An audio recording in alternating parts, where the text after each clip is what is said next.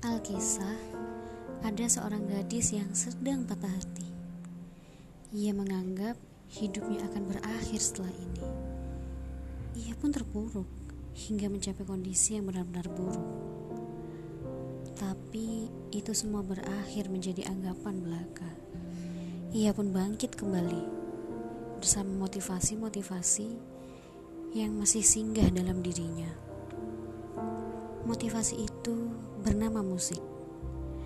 Akhirnya, ia dapat melewati peristiwa itu dengan mudah. Hingga suatu hari, ada seorang kawannya mengadu patah hati padanya sambil terseduh. Rupa-rupanya, seseorang yang telah membuatnya patah hati itu adalah seseorang yang kala itu juga pernah membuat si gadis hampir mengakhiri hidupnya. Dari peristiwa barusan, si gadis pun akhirnya mengerti.